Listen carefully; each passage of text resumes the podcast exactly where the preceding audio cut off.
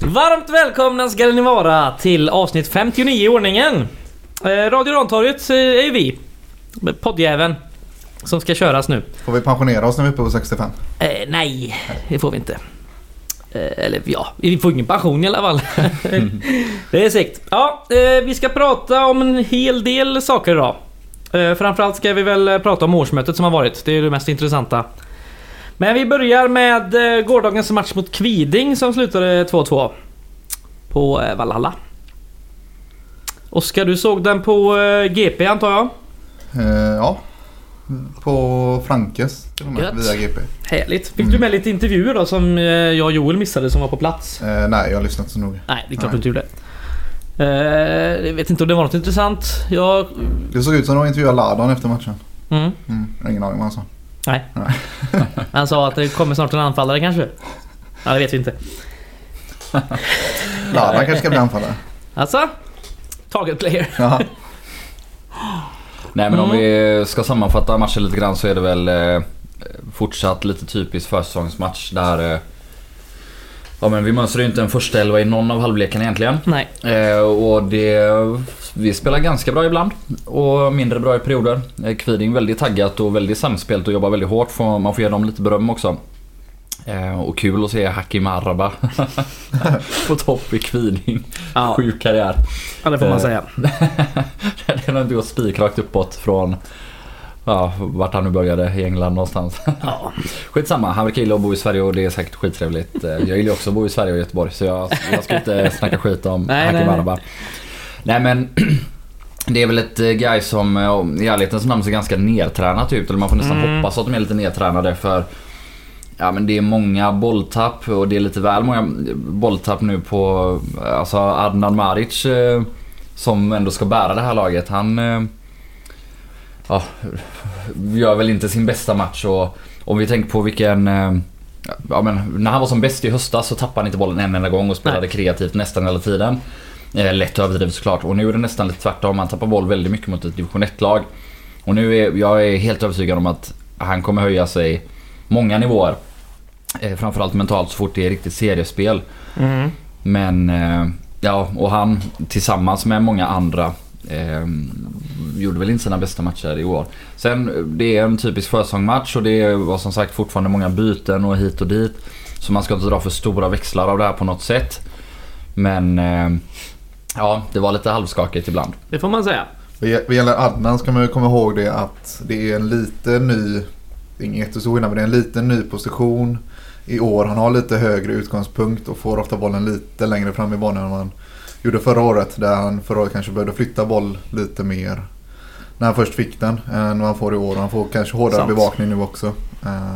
Mm. Men det är ju samtidigt en sån sak som skulle det hacka så är det ganska lätt justerat att vi i så fall flyttar ner han några meter i planen och sådär eh, också. Så just Adnan är inte jag heller särskilt orolig för just nu. Nej.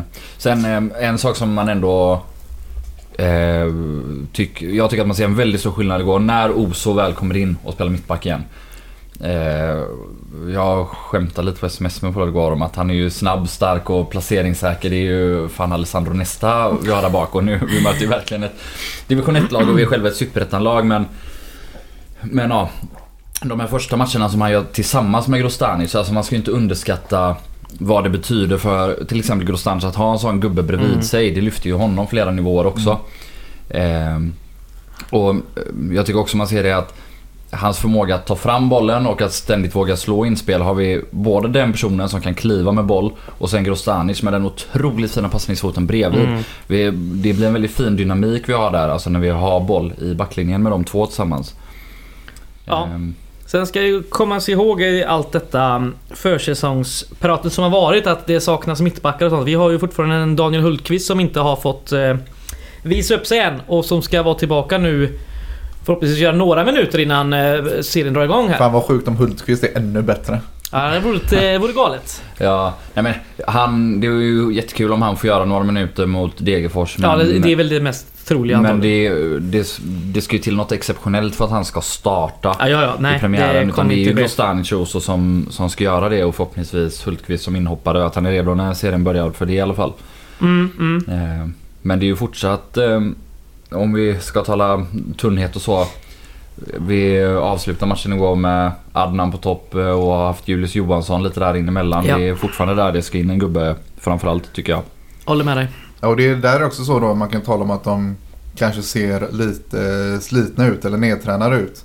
Det är inte till våran fördel att ha våran viktigaste spelare som i så fall då måste täcka upp på en så pass viktig position som nummer nio när vi behöver byta ut Sterner eller det inte funkar med Sterner utan det kommer nog komma matcher i år där Adnan inte orkar 90 minuter och vi behöver definitivt hålla honom så pigg som möjligt om det här ska bli en rolig säsong. Ja, så är det. Så är det ju. Eh, Sterner spelade ju bara en halvlek eh, igår. Ändå eh, pigg och, eh, och härlig. Fick jävla massa smällar ändå. Mm.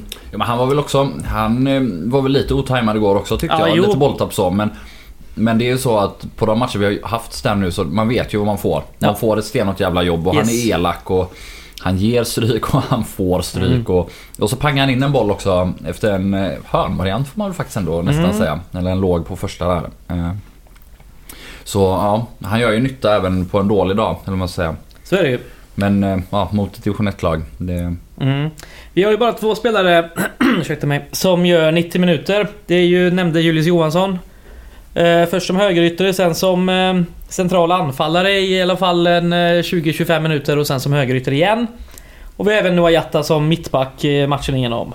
Mm. Och det, om man ska tolka det så betyder väl det... Eftersom vi har två matcher ganska tätt på varandra nu då med Jönköping också så kan man väl tolka det som att ja, ingen av dem är aktuell för den riktiga startelvan kanske.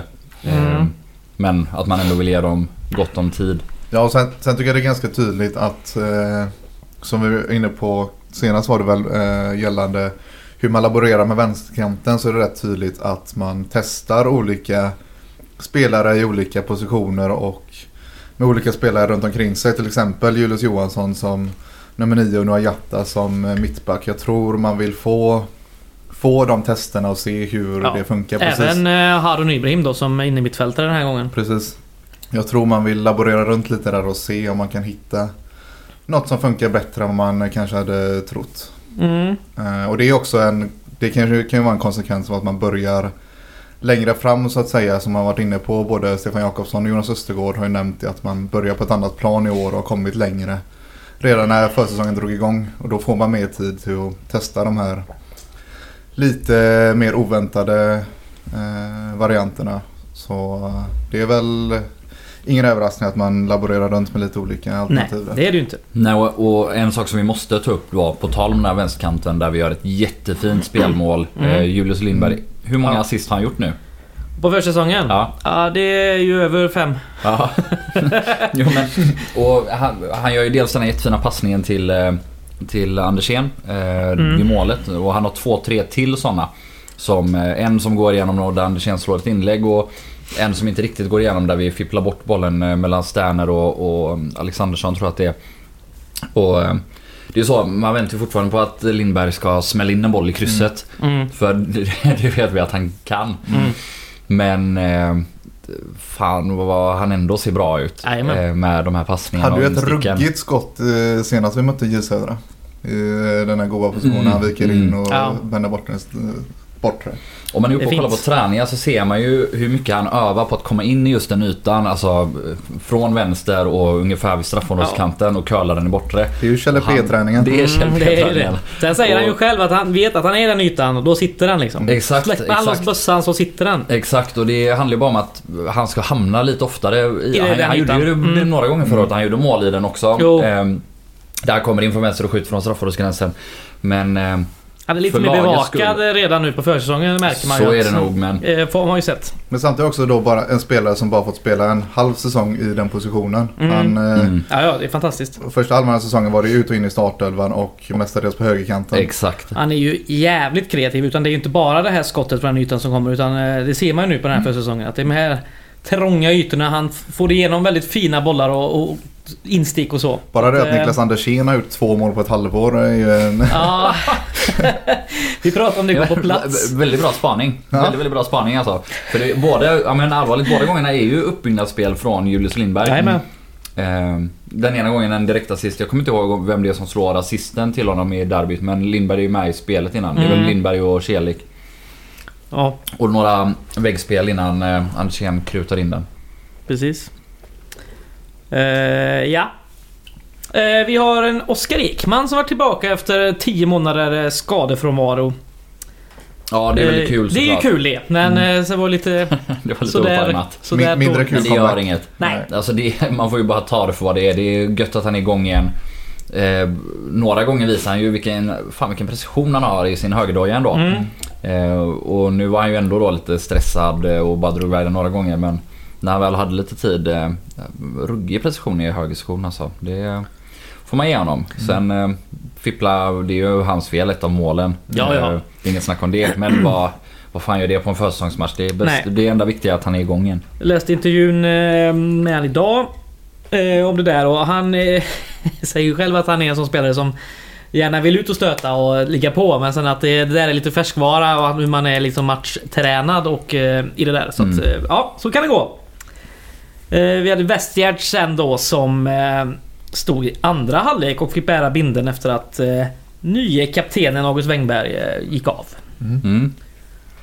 Intressant val. Men eh, jag blev skitglad ändå. Man, eh, man gillar ju August Wengberg som människa och som fotbollsspelare så mycket så det, jag känner mig supertrygg med den. Det är väl ett av namnen man har funderat på som, är det som möjlig kapten. Mm. Och framförallt Alltså framförallt det jag tycker är, är bra med Wengberg. Alltså jag hade, jag hade köpt det om Adnan eller Boris hade blivit kapten också till exempel. Men det är att Wengberg är ju en gubbe som eh, kommer göra 90 minuter alla matcher. Han är Mm. tillgänglig i år. Det är bra att en kapten planerar att göra det. Och det är också att eh, det verkar ju eventuellt som att han kommer vara kvar här i många år efter detta också. Alltså. Adnan eh, kanske vi säljer. Ja. Eh, Boris vet man inte om Ladan till slut konkurrerar ut. Nu finns väl ingen som pekar på det jättemycket just nu liksom. Men, men det finns en, åtminstone en större konkurrenssituation där. Så ja, att ha 90 minuters eh, gubben August Wengberg som löper, kämpar, tacklar. Gör poäng också för den delen. Det, är- ja, det är Mm. fint. Det var det sista som fattades i hans uppenbarelse med de instoppade, eh, instoppade tröjan i shortsen och allt detta. Det var ju binden smäckade runt armen. Så det känns... Han känns som den som har förtjänat det mest kan man tycka också på ett sätt. Eh, fint. Bra val. Har han svarta skor också eller? Eh, nej. Då saknas det också. Ja, det är sant. det, det har han inte. Eh, inte alltid i alla fall. Men de som har svarta skor det är ju Harun Ibrahim. Ja, Det tänker man inte riktigt att han ska ha. Tänker som en sån flärd, snabb spelare brukar inte ha liksom sådär han ska ha gula kolsvarta. tänker man. Ja. Ja. Nej, det är bra. Eller rosa som är väldigt vanligt tydligen. Det är det väl lite längre. Svart är väl eh, nästan vanligast nu igen eller? Revival. Jag hoppas det. Eh, ja, då har vi mer att säga om denna match. Våran gamla spaning eh, Daniel Tidstrand som vi föreslog att plocka in som backup när vi sålde Marcelo. Gjorde två baljor. Ja, Sen är det väl så att han, om vi nu ska ha ett snabbt, eh, hårt pressande guys så, så passar väl lite han in. Nej, det var ju minut Särskilt där. 15 såg vi det att han stod och liksom huffa och puffa där på eh, Jo, man halvplan. gjorde två mål efter det också. Så. Ja, jo, jo. Det är Men bra. det, det är rätt anmärkningsvärt att eh, ingen annan har plockat upp han inför i år. Ja, han har Kan ett bra jag målsnitt. tycka. Men han är ju... 28 va? Ja. Så att, eh, ja. Men ja, någon, han, han borde ju egentligen få chansen i någon superettan-klubb, absolut. Kan man tycka. Annars så... Mm. Ja, det, Westlund var väl lite trevligt att se också. Det är han som Mm. slår bollen innan eh, som Ekman missbedömer. Var väl helt okej utan att glänsa. Ja. Men eh, Hoppas vi får en fin, eh, fin säsong. mm, undrar vi honom. Ja. Så kommer han tillbaka sen. Nej, men en sista grej vi, som väl var pyttelite oroande var att Johan Andersson verkar skada handled eller finger eller Ja, hand. något Och där det ja. är ju såklart inte perfekt men det är, väl, det är väl inget som hindrar en från att spela fotboll antagligen. Så Nej. Nej. Vi så det borde och inte vara någon fara. Nej, även om det gipsa inte är- skiten och kör. Ja men typ Ja. så. Eh, ja, vad ska vi säga mer? Yusuf Fayad var ju tillbaka efter sin um, sjukdoms Mm. eh, historik här. Eh, kanske får vi se ett litet genombrott i år kanske. Det har varit intressant och kul. Ja, han har ju tekniken. Ja. Det, så är det ju. Han är ju rolig. Han är rolig. Ja, Han är rolig att kolla på. ja. han har ju några situationer att driva in från vänster och dra tre, fyra gubbar och kommer till avslut. Mm. Inte jättefarligt men att komma in och ha som ambition att ta sig till avslut därifrån, det gillar man ju att se. Mm. Ehm, Så ja, det är med förhoppning om ett gäng roliga inhopp under 2021. Ja. Eh, vi ska snacka mer om eh, kommande match på söndag mot eh, J Södra. Men eh, vi tänkte vi tar rätt så långt snack om eh, årsmötet istället. Eh, under tiden. Eh, vi har ju vår eh, eminenta årsmötesexpert eh, med oss i den här podden. Han var ju i stort sett eh, headhuntad för det när han gled in här på en räkmacka förra våren. Jag får göra rätt för mig en gång om året. Ja, precis. Så att, eh, take it away då. Mm. Det var väl ett på förhand lugnt årsmöte och blev väl eh, som väntat också rätt lugnt. Det var ju den omtalade Qatar-motionen som var stora höjdpunkten. Ehm, två nyval, vi kom väl dit, två, eller tre nyval faktiskt. Ett nygammalt och två helt nya bekantskaper. Ehm, annars var det ju inga skandaler. Ekonomin är väl kanske det mest positiva vi har sett sen, eh, jag vet inte när, 2010, 2011. Allsvenskan i alla fall. Eh, Så där får man absolut ge cred till styrelsen. Framförallt eh, när man då väger in pandemiår och Mm, allt kring Exakt. det. Eh, Det är ju bara hands down. Ja, det är oerhört imponerande och glädjande att det inte är några större skandaler, skandaler runt det. Så det ser riktigt bra ut. Vårat klassiska problem med likviditeten är också betydligt mycket lugnare nu än eh, vad det varit tidigt. Mm. Eh, med den kassan vi sitter på nu så ska det förhoppningsvis inte vara några större problem med att hinna betala leverantörer och löner och slippa skatteskulder och annat. Precis. Kört. Två miljoner eget kapital och eh, inga, inga skulder så sett. Ja, Ja, inga jobbiga nämna- skulder framförallt. Nämna att eh, det är ju att man då har gjort någon förlikning med det här Heden Invest Frölundas dotterbolag som som vi har haft Girot. en gammal fordring på kring eh, girot. eh, Där vi väljer att eh, ja, men skriva av den eh, och ta in hälften av pengarna vilket känns supersunt och vettigt för om jag kommer ihåg det rätt så ska väl den ha varit skriven som att eh, de ska betala tillbaka det först när girot eventuellt går med vinst. Mm. Och det vet vi inte om Nej. det någonsin kommer att göra eller om det kommer finnas något giro. sista datumet på den var väl 2027 eller något Ja, sånt där. så Eller det- om girot kommer... Ja, Det är sunt och det är att de har gjort detta. Så, ja men dels bra för likviditeten och dels är det bra att inte ha den gamla fordringen som kanske inte blir värt någonting om några år. Så, och också då starkt att ta den avskrivningen eh, under ett år som pandemin. Eh, Mm. Ja precis för det, det slår ju mot då resultatet och det egna kapitalet när vi skriver ner den fordringen. Och vi lyckas ändå gå med eh, positivt resultat och vi går plus eh, 380 000 någonting. Så det är precis som förra året så är det en så här lite gammal jobbig skåpmat som vi lyckas liksom skicka ut utan att det riskerar det egna kapitalet och i förlängningen då elitlicensen så lyckas vi städa upp ganska mycket sån här skit och förbättra positionen ekonomiskt. Ja, det är härligt. Får man jämför med förra året så hade man eh, under posten kassa och bank då helt enkelt likvida medel så satt man på 160 000 ungefär vid samma punkt förra året och nu sitter man på 2 700 000. Oj, det är så Det stor är- skillnad. Ja, så det är, det är klart det är anmärkningsvärt när man har suttit med så mycket problem med likviditeten så länge som vi har gjort. Mm, mm. Och då är det de här pengarna då från eh, Heden Invest eh, som de nämnde.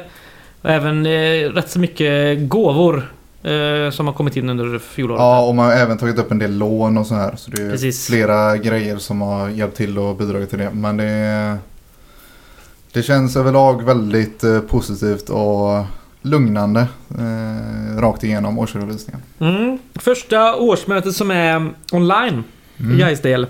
Mm, det är ju det är speciellt eh, men det är ändå en sak man eh, bör eh, fundera över hur man ska göra i framtiden för Ur en demokratisynvinkel är det ju bra om så många som möjligt av föreningens medlemmar har tillgång till och kan bidra och vara med på årsmötet. Och man måste nog ställa sig frågan om det inte är så att fler kan online. Eh, jag säger inte att det är så nu men man ska åtminstone fundera på om det gör detta det mer tillgängligt eller mindre tillgängligt. För Självklart är det kanske så att någon eh, gammal gubbe utan eh, internetkunskap och så inte kan komma på det här och det är, ett, det är såklart ett problem om det är så. Men det möjliggör ju också många som kanske inte hade kunnat gå annars. Antingen för att man inte är i Göteborg eller för att man helt enkelt inte har tid att ta sig till ett Folkets hus. Och så vidare och så vidare. Eh, och det är något som guys verkligen borde kolla på till nästa år och till alla medlemsmöten. Ifall det kanske går att göra Kombinera. både och. Mm, mm. Alltså att man har en skärm ståendes i, i årsmötesrummet där folk helt enkelt kan koppla upp sig och ställa frågor och, och på något sätt vara med och rösta. Det är nog inte helt omöjligt såklart. Nej, det, är- det är någonting man borde utreda i alla fall och, och kolla över. Ja. Eh, För, eh, jo men till exempel röstandet eh, är ju otroligt smidigt. Ja, Man verkligen. ska hålla på och räkna lappar och... Ja, det var jävligt Det smidigt. finns vissa fördelar och vissa nackdelar såklart. Men man bör kolla över det och Mm. se. Mm. Ehm, ska även tilläggas att den här gången var det på eh, Hotell Park, om det heter så, på Avenyn. Mm. Eh, så att under de här åren som eh, eh, Jonas Andersson har varit ordförande har vi rört oss lite i stan. Vi har Mm. gått från Folkets hus till eh, Handels och nu till Avenyn. Ja, Hoppas inte detta är ett tecken på något. det är väl ett tecken på att han är liberal bara. Ja, exakt. Jag vill inte att det ska röra sig ännu mer. Jag gillar ja, men, Det blir Gothia nästa år. ja, eh, men hur tyckte ni det, det var det här online? Jag tyckte det var snyggt och prydligt och bra skött. Absolut. Ja, alltså funkar jättesmidigt såklart. Mm. Eh, Så superbra styrt vad gäller den tekniska biten. Det funkar ju. Det enda Mm. negativa var väl det här... det kanske man kunnat... Eh, eh, göra snyggt innan men det att folk inte hade rätt namn som påpekades ett par gånger för omröstning och sånt. Att Mm. man måste ha fullständigt namn eh, i, i Zoom-appen då, eller Zoom-programmet för att Mm. kunna prickas av mot en medlemslista. Eh, men eh, ja, det finns alltid lärdom att dra och ta med sig. Mm. Mm. Nej men om vi eh, också ska gå in lite mer på eh, om vi pratar hela verksamhetsberättelsen och vi har redan berört ekonomin ganska mycket nu. Det vi redan har berömt eh, styrelsen och, och jag kan kanske inte nog understryka med att jag skulle vilja berömma dem ännu mycket mer för det jobb de uppenbarligen har gjort. Dels med ekonomin de senaste åren eh, men det börjar, det känns som att hela föreningen är på väg åt rätt håll väldigt mycket. Om man läser den här verksamhetsberättelsen så är det en fröjd för ögat. Det är, det kän- det är nästan inga frågetecken eh, Nej. utan det är tydligt och bra. Eh, ekonomin är på plats och en sak som jag väldigt länge har efterlyst eh, med ljus och lykta är ett strategidokument eller liknande eh, som ju styrelsen då faktiskt eh, presenterade på årsmötet 2019. Och en sak som jag skulle önska det är att man kommunicerar det här ännu mer. Eh, Det sker redan mycket nu. Eh, Till exempel så kommer det upp rapporter från Sportrådet på hemsidan. Mm. Hur man jobbar kring det. Kanon. Jättebra och tydligt. Eh, konstgräsprojektet har man kunnat läsa om på hemsidan en del. Jättebra. Eh, jag skulle vilja att det var ännu mer tydligt det här övergripande strategidokumentet. Men eftersom eh, vi nog ändå har fler lyssnare eh, i den här podden än folk som läser ordentligt verksamhetsberättelsen. Så tänkte jag ändå bara läsa upp lite grejer här som Gais styrelse Ur verksamhetsplanen då? Exakt som de jobbar med. Ehm, Och det är under några punkter men eh, den översta är ju med stil, klass och tradition mot framtiden. Och under den står att Guy strävar, efter, eh, Guy strävar efter att utifrån långsiktiga mål samla föreningen till gemensamt agerande utifrån tydliga mål och strategier för att förverkliga ambitionen om att bli ett etablerat allsvenskt lag. Vägen framåt bygger på långsiktighet, kontinuitet och ett arbete med ständiga förbättringar med ambitionen att prestera jämförelsevis bättre inom samtliga områden varje år. Mm. Och det här är en sak som ekar väldigt mycket av Jonas Anderssons ord om att vi ska bli lite bättre på alla områden varje år. Eh, Så detta har kommunicerats bra och så absolut. Ja, det är bara att kolla på ekonomin till exempel. Exakt. Eh, Eller anläggningen. Alla anläggningen. Eller att vi nu har ett flicklag snart och Ja. eh, det är väldigt mycket.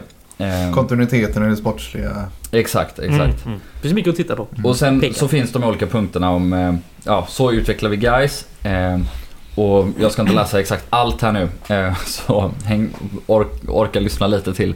Men eh, ett stycke står det så här. Eh, till att börja med, vi menar att styrelsens viktigaste uppgift under de kommande åren är att bygga en klubb som är rustad för att ta steget upp till Allsvenskan. Vårt fokus ligger alltså inte egentligen på avancemang till den högsta serien, utan på att vi som klubb ska uppfylla det som krävs för att kunna konkurrera på en högre nivå. Och då är det återigen så att man kanske inte väljer att satsa pengar på en ny stjärnanfallare utan på att stärka organisationen. Och nu är det fortfarande så, vårt gamla mantra från förra året om att vi behöver anställa fler människor. Det har man ju delvis gjort, men det mm. behöver man göra ännu mer för vi är ju faktiskt bara tillbaka på en ungefär samma nivå som för två, tre år sedan. Ja. Eh, om man räknar anställda på kansliet. Men ja. om vi ska nämna en grej då, till exempel så är det ju så att man har anställt en person som ska jobba med Guys Open för att utveckla den och kanske eh, flera eller liknande kupper i samband med det. Och det är också en sak som återkommer under punkten hållbar ekonomi. Eh, där också står då eh, några exempel på vad vi kommer att prioritera framöver är ungdomsturnering Guys Open, utökad satsning på souvenirer och att sätta av mer resurser kring vårt partnernätverk.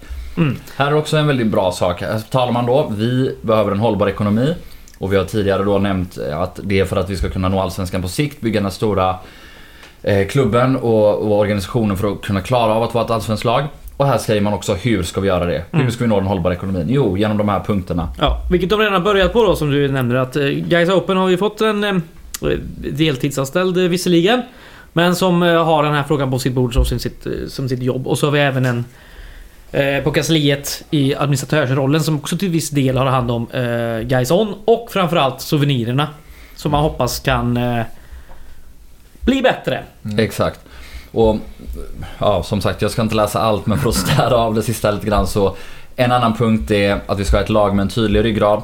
Alltså med hög kontinuitet och, och dylikt i spelartruppen. Ehm, och det har man också sett att vi har jobbat med. Fler långa kontrakt, eh, fler som stannar kvar. Ehm, och också då att under det kommande året så ska vi också utveckla formerna för hur vi arbetar med rekrytering av spelare och ledare såväl till akademi som A-lag.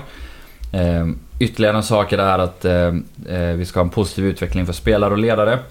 Det är också en sak som man kanske kan säga redan har skett om man kollar på utvecklingen, eller om man ser resultatet i alla fall av att mm. vi har faktiskt många spelare från förra året som är bättre i år. Mm. Framförallt då kanske Lindberg och Johansson och, och Åberg. Eh, att man äntligen har skapat en miljö på Gaisgården. Grozdanic. Ja, där, där folk faktiskt utvecklas och inte ja. bara skeppas vidare. Karlsson. Mm. Absolut. Och de två sista punkterna som är i verksamhetsplanen är en klubb som bryr sig. Ehm, och det handlar ju mycket då om samhällsengagemang och CSR-arbete, vilket ehm, är fortsatt viktigt. Mm. Och den sista punkten är en större familj.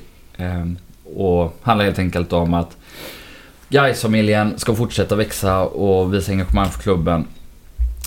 Så, och inom det så ska det då vara bättre matchupplevelser och större värde för medlemmar och partners. Mm. Så ja, detta är inte undangömt i eh, verksamhetsberättelsen ska man inte säga men detta är, är då delar av verksamhetsplanen som är antagen av årsmötet. Eh, och eh, ja, det, jag tror inte att det är många som har någonting att klaga på i det här liksom. Eh, och det är väldigt skönt att se att det finns en struktur, det finns tydliga mål, det finns ett dokument som säger det här vill vi uppnå och de här sakerna är vägen dit. Eh, det är något som gör mig väldigt glad. Att guys ändå tycks skötas på ett strukturellt och, och proffsigt sätt nu för tiden. Mm. Eh, det känns som att vi är på rätt väg och det känns som att vi också äntligen har fått lite väg utstakad för oss och presenterad hur vi ska nå dit. Inte bara säga att vi ska i Allsvenskan om två år. Nej. Och sen om någon undrar hur så är det ingen som kan svara på det. Nej.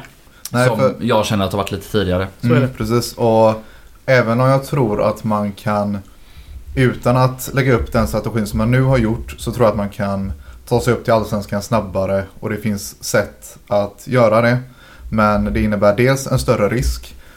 Eh, likt den Helsingborg tog när de gick upp senast. Där de var ekonomiskt... orden, ja, de var ordentligt i skiten ekonomiskt. Ja. Men så slaktade de också den här serien för de hade en spelarbudget som var bra mycket större än alla andras. Och så gick de upp i allsvenskan. Men då kommer också problemet sen att man kommer upp i allsvenskan och man har inte en allsvensk organisation kring klubben. Det finns ingenting som är allsvenskt förutom möjligtvis spelartruppen. Och då åker man ut och så har man en eh, kommunal bailout som vanligt.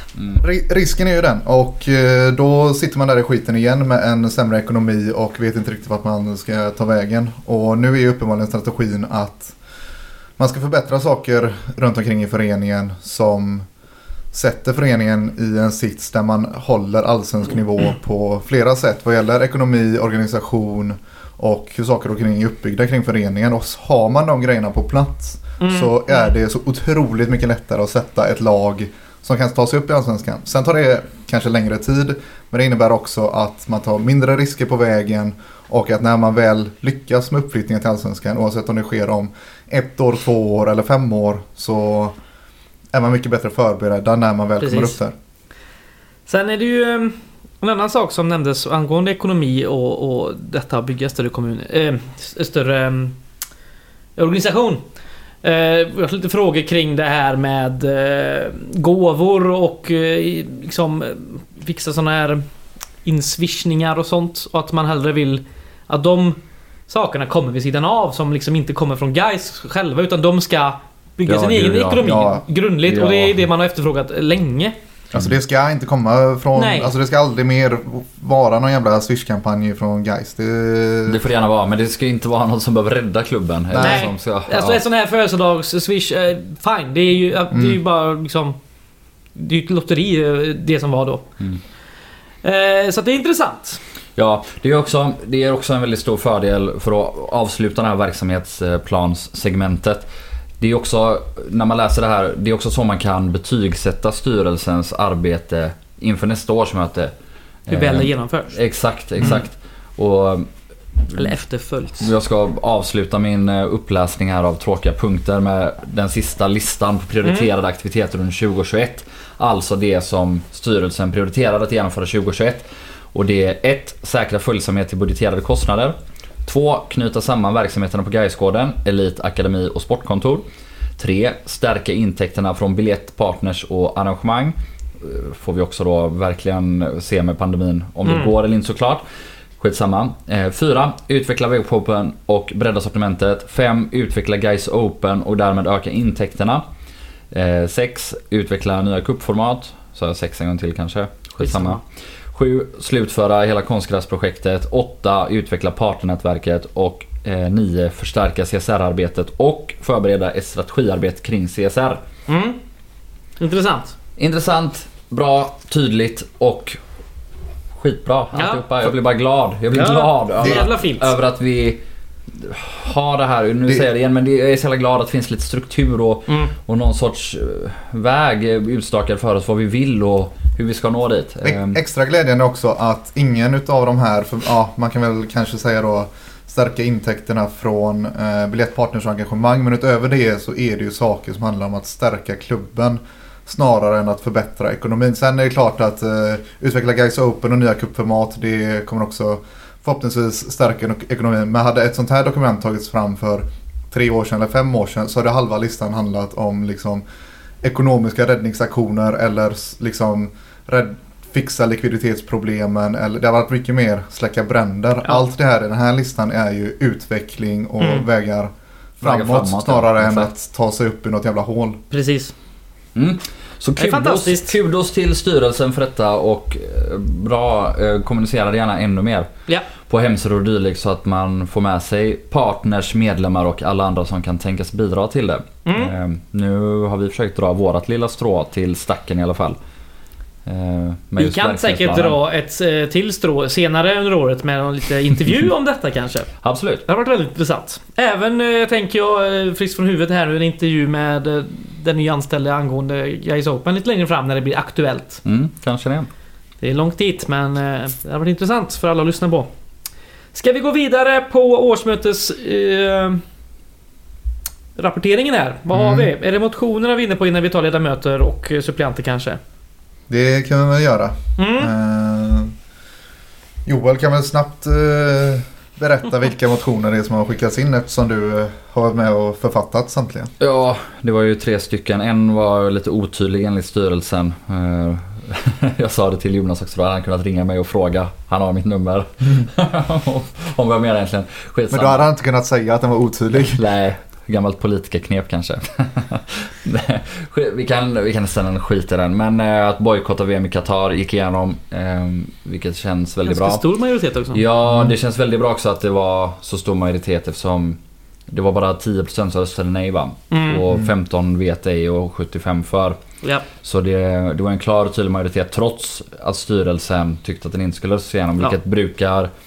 Kutymen på årsmöten är ju oftast att man röstar som styrelsen. Sen ska man även säga att det kom lite kommentarer eh, kring det. Folk som ville höja handen och, och, och säga sin mening och det var väldigt intressant och eh, gav väl en ganska eh, bra bild tyckte jag.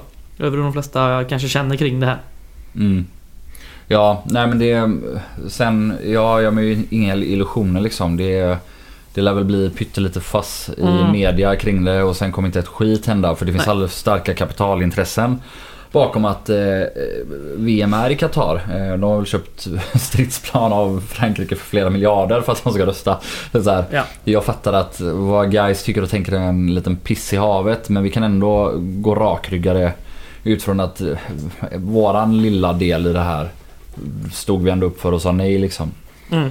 Eh, och sen var det ju ja, VAR då eh, som vi motionerade om även förra året men som sköts upp ett år och som nu är, ja, är tagit ett beslut om att det inte att vi ska verka mot helt, helt Mm. enkelt. Vilket också känns väldigt bra. VAR är, är döden för fotbollen. Det är alla som har sett en Champions League-match Och det ska vet ju att det tilläggas funkar inte. eh, att det har varit flera årsmöten kring elitklubbar inom fotbollen den senaste tiden. Där flera också har röstat för detta. Det är säkerligen uppe i en eh, 15-tal ungefär skulle jag tro. Mm. Så att vi är inte ensamma. Nej och fler följer förhoppningsvis nästa år så att det verkligen blir Ja. eh, Ja men så att det blir out of question i svensk fotboll med det. VAR. För det, Men eh, ja, man det ska säga sjukt. att eh, domarbasen, eller vad heter det? Domarnas fackförbund, eller vad kan det heta? Jag har ingen aning. Men Mm. de gick ut, han som var eh, ordförande där om man säger så. Och var kritisk. Ja, han kan dra åt Det helvete. kan han göra. De Alltså, vill bara skydda sig själva såklart. Ja, det, är också, det är också rätt, eh, alltså det är ett jävla underkännande av sig själva. Att eh, vilja ha in VAR. Men eh, Mm. ja, det får stå för dem. Skylla själva. Så är det. Det var även ett eh, litet tillägg där var att eh, om det finns ekonomisk möjlighet och annat eh, som inte står i vägen så skulle man vara för ett sånt här um, mål... Eh, Mållinjeteknologi. mållinjeteknologi. Ja, det är Helt annan- helt annan Helt grej. annan grej, ja. Det, det, det, är helt faktiskt, annan grej. det är faktiskt väldigt roligt att det ena har funkat så extremt felfritt och smärtfritt att införa och fungerar fortfarande helt perfekt Mm. i princip överallt där det används. Ja, det var två, ett, ett, ja, ett handfull incidenter där det har krånglat men det är liksom så här, det händer ju så Ja, jävla det, sällan. det är liksom tekniskt krångel Ja. och sen är det ena systemet där ingenting fungerar och det är fullständigt haveri. Eh, det förstör ju matchen något så oerhört liksom. Nog om det. Mm. Eh, ja, vi går vidare då. Om inte har mer att säga om motionerna. Nej. Nej. Då så. Ledamöter och suppleanter som röstades in. Det kan ju du få ta Mm. Pettersson. Ehm, Det är ju mestadels omval vad gäller eh, ledamöter. Eh, Förutom Anders Fagerlund, tidigare suppleant, som valdes in som ordinarie ledamot nu. På två år. På två år, precis. Ehm, Och utöver det då så valde man in två nya suppleanter. Eh, Anders Fagerlund ersätter ju Jonathan Åström i styrelsen som lämnade sitt uppdrag i somras. Och de två nya suppleanterna då ersätter ju Fagerlund och Johan Erlandsson som valde att inte ställa upp för omval som suppleant. Så de två nya suppleanterna är ju Mattias Segerbrand och David Perhed. Mm. Där man från valberedningen har velat ha, ha fått önskemål om att få in kompetens i styrelsen. Dels vad gäller marknad och partners. Och där är det ju tänkt att Mattias Segerbrand ska hjälpa till. Eh, han är väl VD tror jag för Saldo Redovisning, en av Gais eh, sponsorer. Och som sköt ekonomin i guys också. Precis. Mm. Ehm, och sen David Perhed, en ung kille från Skövde som bor i Göteborg, pluggar på Chalmers. De här är ju presenterade på hemsidan också. Ja, precis. Och eh, David har ju varit med och skött Skadevik Cup heter den va? Tror jag. Skövdes, Något, något liknande där ja. Skövdes ungdomscup. Mm. Eh, en av de större i landet. Och eh, där har man ju tagit in honom för att man har fått önskemål om dels att få in kompetens vad gäller just kupper. Eh, som Joel var inne på här med verksamhetsplaner vill man ju dels utveckla Case Open och dels titta på att eh, hitta nya kuppformat. Precis. Och man vill även ha en bättre koppling mellan styrelsen och akademin. Så där vill man ha någon som har lite erfarenhet av ungdomsfotboll. Och det känns ju eh, rätt så. Det var väldigt bra framfört tycker jag av eh, Anders Björklund. Mm. Eh, Joel har redan öst beröm över styrelsen. Ska väl passa på att berömma valberedningen också. Eh, Anders Björklund förklarar väldigt bra och tydligt varför eh, man har valt att ta in Segerbrand och Perhed. Och sen ska man ju säga att både Segerbrand och Perhed eh, presenterar ju sig själva på, på årsmötet. Ja. Eh, på länk och gjorde det bra båda två också. Yes. Så det känns väl som två eh, vassa rekryteringar på förhand. Ja. Ja, och samt som vi ger dem beröm för att vi uppenbarligen har en väldigt väl fungerande styrelse nu och där många vill fortsätta. Det är nyttigt med kontinuitet även i en styrelse. Så är det. Så är det ju eh, återigen ett problem som de själva också har tagit upp att eh, mångfalden i styrelsen är ju katastrofalt dålig faktiskt. Ja, den är ju så gott som oexisterande. ja. Eh, och det, ja, det är ett, man får säga att det ändå är ett litet misslyckande för valberedningen. Mm. Eh, sen vet vi att de också har försökt att bryta det men inte lyckats själva. Eh, Och det, ja, alltså misslyckandet handlar ju inte i att man valberedningen inte förstår problemet. Nej, nej, det, det ska vi vara tydliga med att eh, Björklund har ju fått frågan på årsmötet i år men även förra året. mm. Och eh, har ju förklarat liksom redan i, förra året var han inne på att de hade flera kvinnliga kandidater som de var tillfrågade förra året och som hade tackat nej. Så man är medvetna om problematiken och har inte lyckats lösa det. Så det är ju absolut ett, Ja. ett misslyckande som man är medveten om. Och eh, sitter man själv och eh, känner någon eller eh, om man själv är så att säga intresserad så har man ju gott om tid på sig nu inför nästa årsmöte att eh, prata med valberedningen. Mm. Det är något som alla faktiskt verkligen borde Mm. tänka över. Ja, Känner man någon som känner någon ja. som kan vara lämplig så Och- det är bara att kontakta valberedningen. Så är det. Och tycker man att det är jobbigt nog att kontakta dem då kan man gå via sin supporterförening till exempel. För de Absolut. alltid har stående möten med eh, valberedning. En gång per år, minst. Mm. Ja, Och eh, vad gäller den frågan så som sagt Anders Björklund från valberedningen fick ju frågan under, under årsmötet och eh, förklarade deras syn på det. Man, som vi var inne på, man förklarade vad man har fått in för, för förfrågningar och önskemål från bland annat styrelsen men även från andra håll. Mm, eh, mm. Vad för kompetenser man vill ha in och då har man landat i att Segerbrand och Perhed är de två bästa kandidaterna som har varit intresserade. Ehm, sedan så dök ju även diskussionen upp dagen efter i sociala medier. ehm, där bland annat ordförande Jonas Andersson kommenterade att, och det här var ju Björklund inne på redan under mötet också, att ett första steg kanske är att se över valberedningen. För det här är också helt utan någon typ av ehm, jämställdhet eller mångfald. mångfald. Och ett första steg kanske skulle vara att få bättre mångfald i valberedningen. Mm. Och Jonas Andersson var inne på det att det finns ingen tydlig process i föreningen idag för hur man tillsätter medlemmar i valberedningen. I år, så det har vi inte nämnt ännu, så valdes ju Lalo Fernandes in i Mm. valberedningen. Ersatte Bert Granberg va? Mm. Yes. Eh, och Lallo kom, som jag förstod det, på rekommendation av en tidigare styrelse, styrelsemedlem som hade föreslagit honom. Och, men det är ju liksom, och tidigare så tror jag att eh, det har fungerat så att årsmötet i princip har föreslagit kandidater till valberedningen under mötet. Det har skett ganska mycket på uppstuds. Och där finns ingen Ja, tydlig det vet jag process inte idag. om det har varit så galet tror jag inte. Men, Nej, inte helt och okej, hållet va? utan, det är, utan då är det mötespresidiet som har fått det på förhand. Ja exakt Ja, okej. för så Mm. tror jag. Ja. Ja. Ehm, I alla fall, det finns ingen tydlig process för hur det sköts. Det finns inget... Nej. Nej, så är det. Så är Det är det. inte organiserat och Men ehm, Jonas Andersson säger, har väl sagt att han ska återkomma i frågan på ett förslag hur man kan... sen, sen ska även tilläggas i, i detta att det är ju inte så att de eh, jobbar helt eh, bakom stängda och lyckta dörrar utan de eh, har ju väldigt mycket kommunikation utåt. Bland supporterföreningar och annat. ja, det är ju, det är ju deras... Ja, jag menar det. att det- Hur de det- tillsätts. Nej, nej, nej, Nej. exakt, exakt. Men det är bara så att det inte liksom det framstår som något Nej, nej, nej. nej. hemligt Nej, det är ju- sällskap detta. Det är ju hela, det är ju hela deras uppdrag är ju Precis. att Men hur valberedningen tillsätts är en jätteintressant fråga. I synnerhet Ja, när, absolut. När frågan från början handlar om eh, just mångfald i styrelsen och man helt saknar mångfald i valberedningen. Då är det kanske läge att försöka titta på hur eh, man tillsätter eh, valberedningen. Och, Det kanske finns... Eh, Vi kommer säkert få anledning att återkomma i frågan. ja, ganska det lär snart. vi göra. Ja. Precis. Annars så, om vi ändå har uppe både Saldo-VDn och eh, mångfaldsfrågan så var han ju direkt inne på Guys inofficiell detta fantastiska underbara Ja, forum. Han började med att tacka för insläpp eh, i stort sett och det var, kände man att nu jävlar.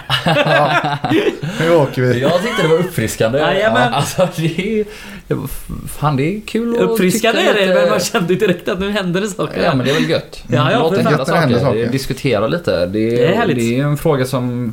Vad, så här, varför ska man backa eller blunda för det? Det är ju bara kasta ut frågan och kör. Sen får väl folk tycka vad de vill. är uppenbarligen. Eh, Jag tycker också... Sen tycker jag det är... Alltså all forskning pekar ju på att mångfald är en styrka i Ja, ja, ja. ett styrelsearbete, i ett företag och definitivt en fotbollsförening. Så att folk är, tar på sig foliehattar och bara misstolkar Ja, det här det- om att saker ska kvoteras och sånt. Det är ju, det är, det är ju jävligt korkat och Ja, dumt Ja, ja, såklart. Det, alltså det är Men- fan imponerande hur många gånger man kan liksom utsättas för en argument för en åsikt och ändå vara helt bombsäker på att det motsatta är korrekt. Liksom. Ja, alltså, det är det är sån hjärnblödning så herregud.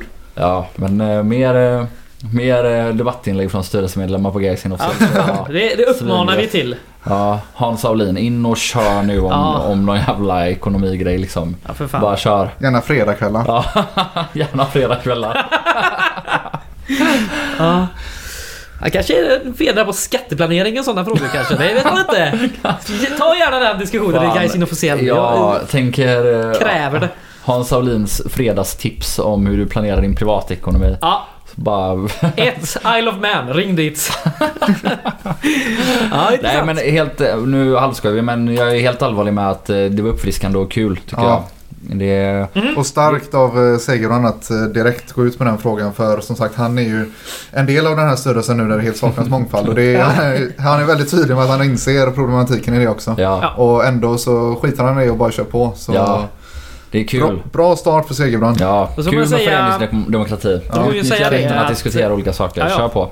Att eh, förra året när eh, Åstrand valdes in, eh, även han då... Åström. Åström, förlåt. Eh, även han då en, en skulle vara lite föryngrare eh, i styrelsen. För det är, det är väl det enda man kan säga att eh, det händer något på fronten. Att det inte bara är alla över 50 utan... Eh, Det, det var också när man valde in Åström som föryngrare. Han var väl typ 34 eller något. ja, ja, precis. Per är det i alla fall- Per- 23. Ja, Så att, ja visst.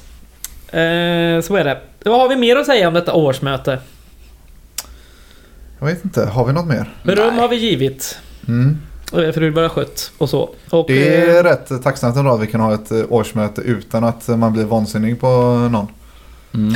Det är, liksom, det är inga skandaler. Det är Nej. rätt eh, behagligt. Skönt att inte höra det här prata närmare micken också 23 gånger. Eh, Fast man saknar det ändå i den Nej, här det gör man pandemin. inte. Jo det gör jag faktiskt. Men eh, ja, kul att eh, vi vågar stå upp för, för eh, arbetarna som har dött i Qatar också. Det Jajamän. tycker jag ändå är fint. Mm. Att man vågar och kan. Och Så är det. Kör. Kör ett debattinlägg om det är Gaisen officiellt tror jag. det är ju klart, behöver inte göra något mer. Nej. Eh, ja, vi får säga grattis till de som blev valda och omvalda. Eh, vi går vidare då helt enkelt. Nu på söndag är det ju nästa träningsmatch. Den näst sista inför säsongen. Mm. Om de inte har några hemlig bakom lyckta dörrar. Kan säkert så vara. Eh, då möter vi J Södra här. eh, Vet du något som inte vi vet? Eller vad? Nej, men det har ju varit två hittills som man inte visste någonting om på förhand. Så att man vet ju aldrig vad som kan hända i den här föreningen. Nej. Eh, Ska jo! Träningsmatch mot Blåvitt på fredag. Ja, precis. Fy fan. Eh, jo, var var jag någonstans? J Södra. Eh, detta lag från Jönköping möter vi på söndag den 21 mars. Eh, klockan 14 på Bravida Arena. Och den går att se på Discovery tror jag va? Mm. J Södra har Discovery ja. Ja. Tror även Degerfors-matchen sen som är kvar efter den här också är Discovery. Exakt, exakt. det är eh, elitklubbs... Exakt, exakt. Så elitklubbar vill avsluta alla prenumerationer på GP nu. Ja, Ja, precis. Det får man göra om man vill. nej, nej men det blir väl intressant att se hur vi tar oss an den här matchen. Jag misstänker att det återigen inte kommer vara en tydlig startelva. Nej. Men att det då... Ja, kanske ändå att man kan börja ana konturerna av en startelva mer. Jag tror till exempel att vi kanske startar med Oso och Grostanic. Eller att, vi, Ja. eller att de åtminstone får spela ihop den halvleken de spelar om det är så. Ja. Eh, Men jag tror att det ändå fortsatt kommer bytas runt ganska friskt. Eh, Alltså dels också för att belastningen, eh, det är ju kort mellan matcherna. Ja. Mm. Och som Så- sagt, de såg, eh, var många som såg rätt slitna ut redan mot Kiel. Verkligen. Exakt, exakt. Så, eh, och sen mot Degerfors får vi kanske då se mer hur det väl kommer se ut i premiären. Det är väl så det har sett ut de senaste åren också. Att eh, man får se en färdig startelva först i genrepet. Liksom. Ja. Så, Det ska finputsas och torka ja, lite. och som sagt, det är nog en del, eh, en del kombinationer av spelare man vill testa som kanske inte är tilltänkta för startelva men där man vill se lite hur det funkar och Mm, hur de mm. klarar av att spela med varandra och i vissa positioner och så. Yes. Eh, är det någon som har koll på hur det gått för J Södra deras eh, försäsong? Inte en aning. Nej, inte alls faktiskt. Men om, om vi bara tar... Det är ju så här att de har ju lite grann levt över sina tillgångar Mm. föregående år och de har ju mer eller mindre monterat ner sitt stjärnspäckade med superettan-mått mätt Ja. och lag. De från de två senaste säsongerna har gjort sig av med Alamari, Kosica, Hamidovic, eh, Aliti. Haliti och någon mer. Mm. Eh, och har ju fortfarande en viss stomme kvar, alltså Fendrich och eh, vad heter han, Gustavsson. Eh, Mm. alltså det är ett, okej- ett gäng med okej gubbar kvar och eh, de kommer nog inte åka ur men de kanske inte heller kommer bli ett topplag i år. Eh, jag menar Hamidovic ut och Perparin Bekain som inte ens är helt ordinarie i Ljungskile förra året. Ja. Det är ett nedköp så... Sen, vad fan... eh, Slog de inte något jävligt bra lag förra veckan förresten? Kommer jag på nu. Jag vet inte. Ehm, Ja, Jag kommer inte skitsamma. De har i alla fall fått in eh, Patrik Gildefalk tror jag han heter som eh, ny tränare då efter eh, Brännström som har lämnat. Mm, Och denna herre har väl varit assisterande i AIK va? precis. Eh, har tagit med sig någon ung mittback från AIK om inte jag minns fel. Mm, Någon sån där kommer inte ihåg- 19-20-åring ja, som inte har spelat några seniormatcher direkt, men de sålde som- någon där va? någon liten lovande talang. Mm. Ja precis. Eh, Det ska bli intressant att se Mm. hur vi står oss mot detta. Ja, det blir lite intressant att se J Södra också vart de är. Det, Ja. det blir spännande. Vi kan väl också nämna snabbt att vi planerar att köra ett stort införavsnitt eh, mellan matchen Degerfors och premiären där vi går igenom alla superettanlag lite mer noggrant och då... Ja, vi framförallt om vi kanske- möter i närtid lite mer Ja, noggrant. exakt, exakt. Så att eh, Ska då... vi, ska vi tippa tabell och skit också? Det, det är ju... Så in i helvete. Ja, det kanske vi får göra då. Och tippa startelva och... Tippa och skit, det går alltid åt Bubblan, du kommer bli vansinnig på mig. När du tippar? Ja, ja. För att... jag är pessimist. Ja, det är du. Ja. Ja, ja, ja, ja, ja, jag blir redan nu arg. Du är så jävla pessimistisk ibland. Ja, eh, men på söndag helt enkelt. Då är det match igen. Så Ja, och tune in. återigen det är väl eh, en försäsongsmatch fortfarande. Jag ska säga mitt vanliga, dra inte för stora växlar. Nej, Sen får vi se mot Degerfors och i våran premiär helt enkelt vad Ja. den här försäsongen egentligen har betytt. så hoppas vi att folk håller sig friska, krya och hela. Och så Ja, får vi se om hoppas vi det... att det blir ett jävla veckoslut innan dess och att vi Ja. får en jävla forward alltså. Det... Nu har vi ju suttit här med radioskugga. Det kanske har hänt något. Det vet man inte. Vi får se. Men imorgon är det fredag. Då kanske det händer något. Vi har värvat- Jajamän. vi har värvat Kizuki Honda nu medan vi sitter och poddar. Ah, fan. han eh, stängde ju dörren för Sverige här häromdagen så, så att det kan det Jaså. nog... Men fel eh, position också eller? Och han är inte är offensiv, eh, offensiv inne mitt kanske. Ja. Han, han hade löst nian i Superettan. Ah, Han är Han som han... Han är så lat den gubben. Eller? så är det Han är ju ingen... Sterner eh, hade ju varit Nej, men än har ju redan en Sterner. Kan spela Honda 45. Honda 45, det låter som en Något motorcykel. Ja, det gör det. Ja, men nog om blonda 45. japaner. Nu går vi vidare. Till Eh, Wilfrid Boni.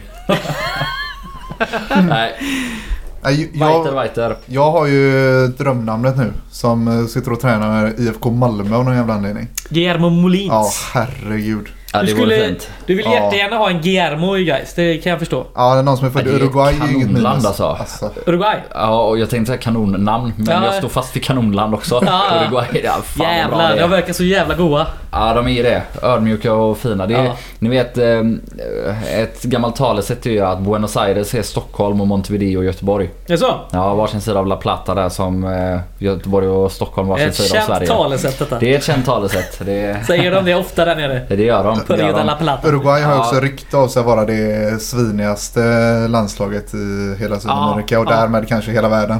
Ja, precis. Ja. Det säger en hel det, del. det är ju dock verkligen inte sant. Eller Chile är väl hundra gånger värre. Ja, de säger att eh, just att uruguayarna ska De vara... och de, vilka de? Eh, Argentinarna ja, Det är ju det. Ja. exakt. Chile har ju Mendel liksom. Han bara stoppar in fingrar i röven på höger och vänster. Alltså allvarligt, Ja. Chile är ju i... Fan, de har Vidal liksom. Nämn en gubbe i Uruguay som är ens i närheten av Vidal. Suarez. Och, och, ja, Han biter lite folk lite här och Ja, var. men det är en annan grej. Ja, ja, absolut. Nu lämnar vi Sydamerika och går vidare till något annat. Ja, Eller vill du snacka med en anfallare på gång in? Jag vill snacka med Guillermo Molins. För Fan. Ja, just det. IFK Malmö Ri- tävlar med. riska ekonomin bara. Ta in Guillermo Molins. Det intressanta var ju det att, eh, läste en intervju med han att han säger att han, han har ett kontraktsförslag liggande från Sarpsborg som han Ja, nu det är det som var i senast. Eh, Det har jag svårt att se att någon eh, i Superettan ska matcha. Men det, det är om han skiter i pengar, eller vadå? Det är, Ja, han skiter i pengar och stannar Han- i IFK Malmö ja. Men eh, jag har svårt att se att han skulle flytta till Göteborg eller något liknande. Men vi får se! Ja. Ja, Eller så tycker jag att Norge är sånt jävla rövland så han vill inte åka tillbaka dit utan han åker hellre till Göteborg.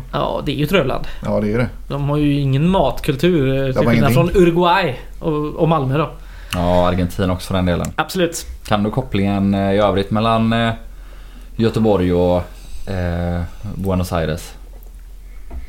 Eh, nej. Det är ju eh, San Telmo, en av deras mest kända stadsdelar. Ja. Så är det ju bara gatsten överallt och det är ju barlasten från eh, skeppen som gick ner dit. Kom från eh, Bohuslän och Så framförallt det, ja. Göteborg. Så de det, ja. göteborgska fartygen. Så om du någon gång till Buenos Aires kan du strosa runt på eh, Bohusläns granit. Tänkte du på det när du var där? Nej, Pettersson, du har ju varit i Buenos Aires. Den svenskkoppling jag plockade upp var att vi har gett färgerna till eh, Boca Juniors. Ja, men den Mm. kan ju alla. Mm. Mm. Den är, jag, vet, jag tänkte säga det men då framstår man ju som en Ja idiot. exakt, Mm. det hade Ja, varit så det gjorde jag ju inte. Nej, det var bra. Ja, vi går vidare till eh, kulturtips. Äntligen. Jag har varit och käkat en hel del på restauranger sen tiden. Netflix igen. Ja, I så fall får jag väl tipsa om eh, en bok. Bäst movie ever made den är inte så jävla bra. Ja, kulturtips låter väl skittrevligt. Yes, eh, vem vill börja? Joel hade ju något namn här på läpparna som jag Ja. skulle skriva ner åt honom. Ja, du... Kommer du ihåg? Ja, absolut. Ehm, Det är ju det här gamla Instagramkontot jag tipsade om för länge sedan. Eh, Northern Friend. Som alltså åker runt i forna Sovjet men framförallt Ryssland och tar bilder på eh, brutalistisk arkitektur, eh, ja, men, nedlagda fabriker, gamla flygfält där det bara står tusentals rader av stridsflygplan eller pansarvagnar. Det är, alltså det är helt eh, sinnessjuka bilder i många fall. Eh, av det här ja, men forna stormakten Sovjet som liksom har fallit samman. Eh, eh, ja, men de är väldigt vackra. Han är en duktig fotograf också. Han har faktiskt eh, en utställning i Stockholm visserligen. Jag vet inte hur många stockholmare som lyssnar på det här. Men om det är någon så får ni gå till Galleri. Artsite. Mm. På Hornsgatan kanske? Är det på Söder eller? Jag tror det va? Säkert. Alla gallerier i Stockholm ligger väl på Söder antar jag. Och inte de dyre på Östermalm. Ja men... De får Han- ju snart en... En uh, Avicii-staty. Det hade jag- missat. Ja, det är Ah, så det är- sjukt. Bomba Stockholm. För men jag hade efter att utställningen har stängt och ni har gått dit och kollat på bilderna från Arsenji, eh, a.k.a. Northern Friend. Härligt. Då kör vi ett kulturtips från Oskar Pettersson då. Mm. Eh, åk till Buenos Aires. Nej. Ja, det är en Eh, kanonstad. Ja, fy fan. Herregud alltså. Ja, Det var, som vi tip- det var som när vi tipsade i juni om uh, Mariestad. När vi stannade till där Ja, fan vad fem gött. vägen hem från Västerås. Det var fint. Ja, Ja, gatorna, gatorna i San Telmo går ju nästan hela vägen just ifrån eh, stadsdelen Bocca. Det är liksom en liten backe upp. Så Ah. där, där är det gassten tills de slutade komma. Finns det någon koppling Buenos Aires och Mariestad då tro? Mariestad? Nej. Det är tveksamt. Vänerns pärla. Jag Ja, det är inget La. Platas pärla då. Ja, förlåt oss. Ja, nej, jag hade faktiskt ett tips som jag kom på tidigare idag. Men så jag, nu tror jag nästan... Jag, när jag kom hit så insåg jag att jag har nog varit inne på det innan. Ta en gång till bara. Ja, det är väldigt ofta vi, alltså, Ja, det är svårt att komma ihåg Ja. vad man har kört. vi får göra något Men det är en- kartotek om detta. Det är en artikel från eh, Erik Niva. Så jag miss, för vi har varit inne på hans böcker så jag misstänker Ja. att den är med i någon av dem. Men eh, nu när vi snubblar in på Chile så har jag en gammal artikel som heter Fuerza Mineros. Som skrevs efter att gruvarbetarna i Chile Mm. eh, kom upp. Mm, mm, mm. Eh, när den räddningsaktionen var genomförd. Det, det. fanns ju en del fotbollskopplingar där. Och Erik Niva skrev en oerhört läsvärd artikel om det. Så om man googlar Fuerza Mineros Erik Niva så ligger den kvar på hans gamla blogg på Ja, Aftonbladet. den gamla bloggen Mäktigt. var riktigt fin. Så den var, den var riktigt bra. Nu för tiden får man ju eh, passa på att följa hans sociala medier eh, och han lägger upp sina artiklar och läser dem innan de går bakom betalvägg. Mm. Eh, I tips, man får eh, snabb på knapparna. Mm. Chile har ju för övrigt kanske världens bästa hejaklacksramsa också eller? Chi chi chi, Le, le le. Viva Chile. Ja den är fin. Alltså den är så mäktig. den är tung den. Den är, det, är, det är en viss likhet med GGG. Jajamän! Ja, det, är, det är vi och Chile. Mm. Fan, jag ger upp Argentina nu. Ja, det gör det. Simp Chi, chi, simpelt chi. är ju bäst. Le, le, le. Ja, jag har ju ett eh, tips. Ett, ett guys-tips. Eh, jag har varit på denna Eh, fantastiska sajt jag brukar eh, snacka om här ibland när jag snackar om litteratur. Jo, bokbörsen.se. Ibland har du någonsin nämnt en bok utan att nämna bokbörsen. Eh, säkerligen. Några gånger. Säkerligen. Jag har ju snart gjort 60 avsnitt på den här jävla pestpodden så någon gång har jag säkert nämnt det. Mm. eh, men jag var inne och surfade runt där och kom fram till ett riktig raritet i Gais-sammanhang. 60-årsboken. Jubileumsboken från 1954. Fy fan vad bra den är. Den är helt otrolig. Jag har ju skickat lite bilder till dig Joel eh, på eh, lite dikter bland annat och lite resultatsidor. Den är helt man blir så fantastisk. glad. Man blir så glad. En liten nätt, litet häfte kan man säga eh, från eh, detta guldår 1954 som jag har här i min bokhylla. Eh, den är väldigt fin. Det Mm. kostar lite slant såklart men eh, Det var när det det handlar om såna här grejer så är det, är det värt. Sälj bostaden för att köpa jubileums. Så dyr var den inte kan jag säga. Vi- Vilka jubileumsböcker finns? Rabbla dem. Ja, jag har ju tre och det är ju den 60 år då. Och så har vi den som kom för förra året, 125-årsboken. Ja. Sen har vi 100-årsboken från 1994. Det ska Finns- även finnas en 75-årsbok. Mm. Och en 50 eller? Eh, 40 Ja. tror jag. Ja, det är något sånt lurigt tror Jag jag. tror inte det är Ja, 50 okej. utan det är nog Det är för- 40. ja, okej. Det är något jävla lurendrejeri. Ja. Ja, okej. Jag Så- kan det inte men jag har för mig att det är... Precis. Ja, för jag, ja, jag man har några är rätt säker på att det finns en innan 60 i alla fall. Men säg då f- 40, 60, 75, 100, 125. Det är möjligt Ja. att det finns något äldre Det också. finns säkerligen lite annat. eh, Ingen koll på det riktigt. Där. Men eh, ja, den var väldigt, väldigt fin och eh, rolig att läsa. Så då. Vi har kört över en timme här. Det är gött. Eh, Valuta för pengarna. Eh, vill man så får man gärna stötta oss ekonomiskt. Eh, saker faller ju isär här eh, märkte vi. Ja, det är dåligt. ja, eh, och vi ska ju snart flytta studion så att säga. Så då kanske fler saker faller isär. Ja, jag tror risken finns. Så eh, in på patreon.com snedstreck Rantorget. Mm. Vi kanske borde göra någon ny souvenir eller något. Det kanske vi kan göra. Kan Och valuta har man tips på vad man vill ha som souvenir kan man ju skicka in till oss på Blir Twitter, äggkoppen? Facebook eller eh, mail. Eh, Äggkopp kommer det inte bli. Va? Ja, jag tror inte det. Okej. Nej, Shotsglas kanske? Ja, det vore kul med något eh, efterblivet i alla fall. Ja, något riktigt dumt. Ja, något riktigt dumt hade varit. Fälgkors. ja, vi får se. Åh, gud. Tack för att ni lyssnar. Vi hörs nästa vecka. Hej. Hej.